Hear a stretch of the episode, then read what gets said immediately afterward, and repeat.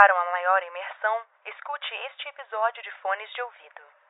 Antes de começar o episódio, não se esqueça de nos seguir no Instagram, pesadelos.cast, no Twitter, pesadeloscast e curtir nossa página no Facebook. Caso queira contribuir para o crescimento do canal, acesse apoia-se barra pesadelos. Aproveite o episódio e tenha bons pesadelos. Solidão, por William Camargo.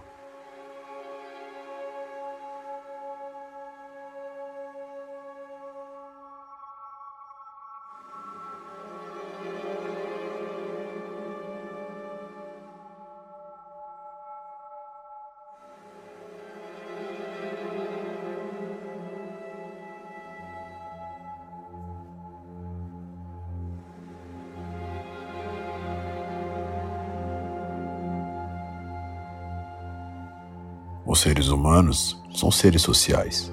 Você pode dizer o que quiser, até romantizar, sair e viajar sozinho.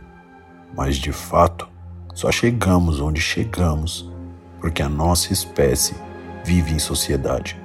E eu sou prova viva disso.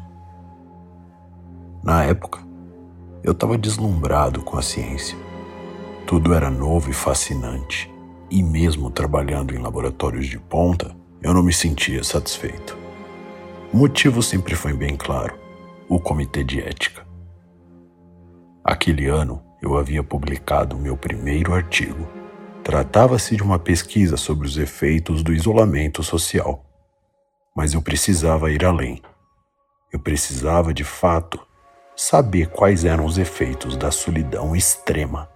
Não isolamento, solidão pura, apenas você e seus pensamentos. Sem livros, sem TV, sem celular, nada, nenhum estímulo. Mas é óbvio que o comitê de ética jamais deixaria um estudo desse acontecer. Um estudo sobre uma cela solitária foi então que eu decidi ser o meu próprio objeto de estudo. A ideia era ficar 30 dias em isolamento completo, sem nenhum estímulo. Mas com 13 dias, o isolamento foi interrompido.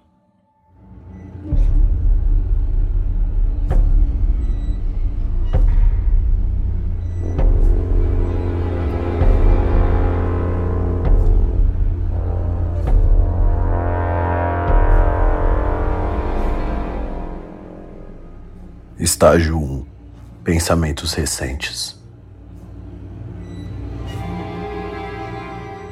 Algo que me acometia naquele instante era a visão que eu passaria para a academia quando descobrissem o que fiz. De fato, foi o que mais me atormentou nos primeiros dias. No final do terceiro dia, me peguei falando em voz alta, enquanto pensava se deveria ou não escrever. Mas aquilo já seria um estímulo, e eu queria me privar de tudo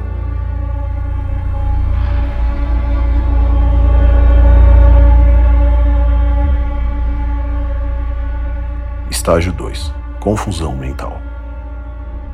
No início do quarto dia, acordei com a nítida sensação de ter ouvido meu nome. Mas obviamente era minha mente. Nesse estágio, minha mente ainda estava se acostumando com a interrupção abrupta de estímulos. O quarto tinha um branco estéreo, paredes com azulejos brancos e brilhantes, roupas de camas brancas e minhas roupas também brancas. Neste estágio, senti uma clara necessidade de me ver no reflexo de um espelho. Porém, eu não possuía um espelho. A aflição me acometeu a ponto de tocar meu próprio rosto para senti-lo. Falar em voz alta, alternando com pensamentos calados, havia se tornado normal e inconsciente. Talvez estivesse assim há mais tempo do que penso. Ouvia meu nome constantemente.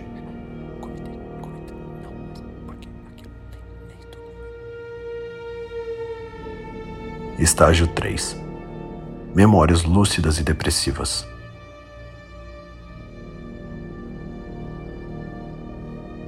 Neste estágio, não me passava um pensamento bom.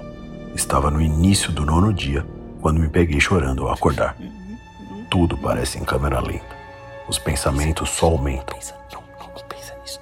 O cérebro parece ter entrado em abstinência de estímulos é quase impossível seguir um único raciocínio por mais de cinco minutos. Sua mente vira uma via expressa. Os pensamentos passam muito rápido. Naquele momento, eu percebi estar sendo observado, talvez gravado. Cuidado. Eles estão te olhando. No final do décimo segundo dia, começaram a atrapalhar minha pesquisa.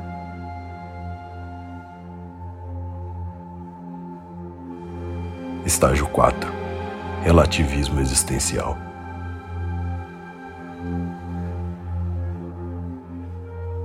Na manhã do 13 terceiro dia, nada mais me importava. Tudo que eu queria era que minha mente parasse de pensar.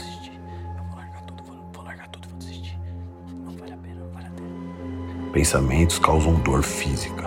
Percebi sintomas de taquicardia e síndrome do pânico ao lembrar de momentos tristes. O tempo demorava a passar e a cada minuto eu chegava a dez conclusões diferentes sobre assuntos completamente distintos. Fui forçado a fugir do quarto. Estavam tentando me matar. Percebi o cheiro de gás no quarto pela manhã. Cheiro de gás? Que, que é isso? Usei a chave de emergência e interrompi a pesquisa. Estágio 5 Ressocialização interna.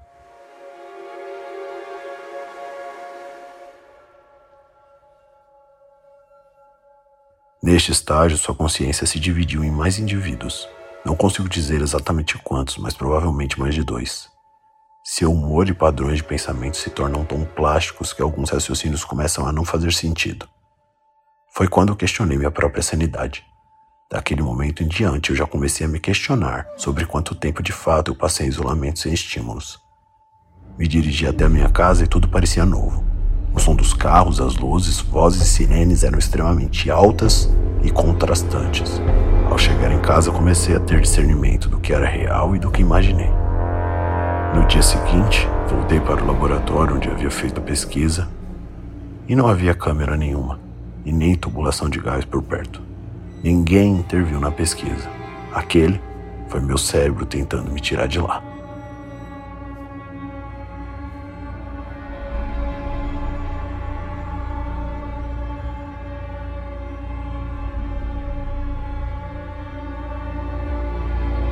Confesso que hoje, após anos de terapia e alguns remédios controlados, eu consigo entender o comitê de ética.